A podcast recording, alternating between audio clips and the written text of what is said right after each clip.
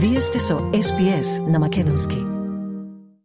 Слушате прилог на македонски јазик на SPS со Маргарита Василева. Денешен фокус во прилогот е досега невидената изложба на најславниот фараон во историјата на Египет, Рамзес Велики, која се упатува кон Австралискиот музеј во Сиднеј од ноември до мај 2024 година. Изложбата ќе содржи артефакти кои никогаш предходно не го напуштиле Египет, вклучувајќи саркофази, животински муми, накит и кралски маски. Од прилогот на Сам Дова и Лиз Медок за SBS News.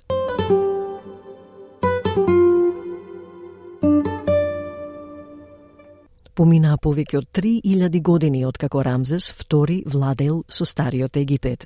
Дел од најдрагоценото наследство на Египет ќе биде на пат за Австралија во наредните месеци. Австралискиот музеј во Сиднеј ќе експонира 181 артефакт, од кои повеќето никогаш порано не го напуштиле Египет. Колекцијата вклучува саркофази, животински мумии, накит и кралски маски.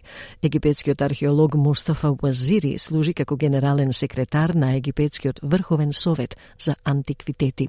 Тој вели дека многу од артефактите се прикажуваат за прв пат, вклучувајќи неколку уникатни парчиња што никогаш предходно не се прикажани дури и во Египет, како животинските мумии. Господинот Уазери вели ќе видиме мумии за мачки, мумии за скараб, мумија на младенче Лав, старо 8 до 10 месеци, кое беше откриено само пред неколку години. For this exhibition also, you're going to see some unique pieces that they never shown in Egypt before, like the animal mummies. We're going to see the cat mummies, we're going to see the mummy of a scarab, we're going to see also the mummy of a lion cub, a baby lion cub, 8 up to 10 months old. Those mm, animal mummies, they just discovered a couple of years ago. And then you're going to see them here in this uh, exhibition.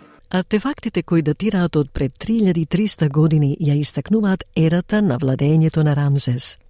Фараонот, попознат како Рамзес Велики, се смета за најславниот фараон во историјата на Египет, внесувајќи го египетското кралство во својата златна ера за време на неговото 66 годишно владење – Господинот Уазири вели дека античкиот крал се овековечил со повеќе споменици од кој било друг крал.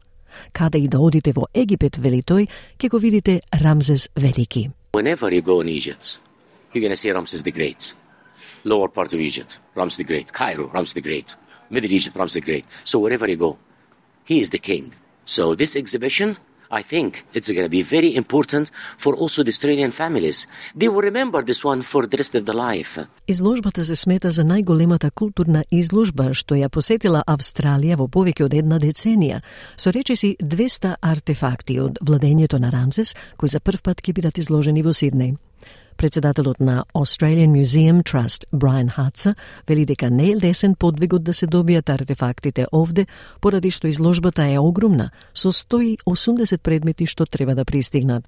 Сите тие мора да дојдат преку царина, карантин и под неверојатна безбедност, бидејќи никогаш не сме виделе злато, како што ќе го видиме прикажано во оваа изложба. Well, it's a huge exhibition, so there are 180 objects that have to come. They all have to go through customs, quarantine, uh, and there's incredible security because you have probably never seen gold like you're going to see in this exhibit. So the security around this is going to be huge, and so we've spent a lot of time thinking through how that all gets managed. Изложбата исто така ги користи неодамнешните технолошки достигнувања, нудејќи искуство на виртуелна реалност на присутните.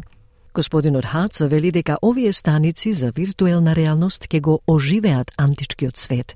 Во дел од изложбата се седи на седиште за виртуелна реалност и може да се оди на турнеја низ неверојатните згради поврзани со Рамзес Велики – ќе се видат во нивниот најславен период и ќе се патува низ нив како да сте таму, вели Хаца. Part of the exhibition you sit in a virtual reality seat and you get to go on a tour through some of the amazing uh, buildings associated with Ramses the Great. You get to see them in their heyday. You get to travel through them as if you were there. Артефактите се позајмени од музеот во Кајро, а Сиднеј е еден од десете градови на светот кои ќе ги добијат античките богатства. Австралискиот музеј ќе ги има предметите од ноември 2023 па се до мај 2024 година. Обемната изложба ветува дека ќе биде многу повеќе од само еден поглед на наследството на Рамзес Велики. Тоа ќе биде истражување на животот и времето на еден од најславните владетели во историјата.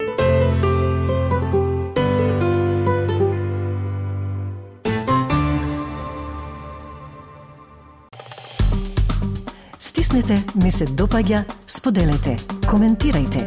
Следете ја SPS на Македонски на Facebook.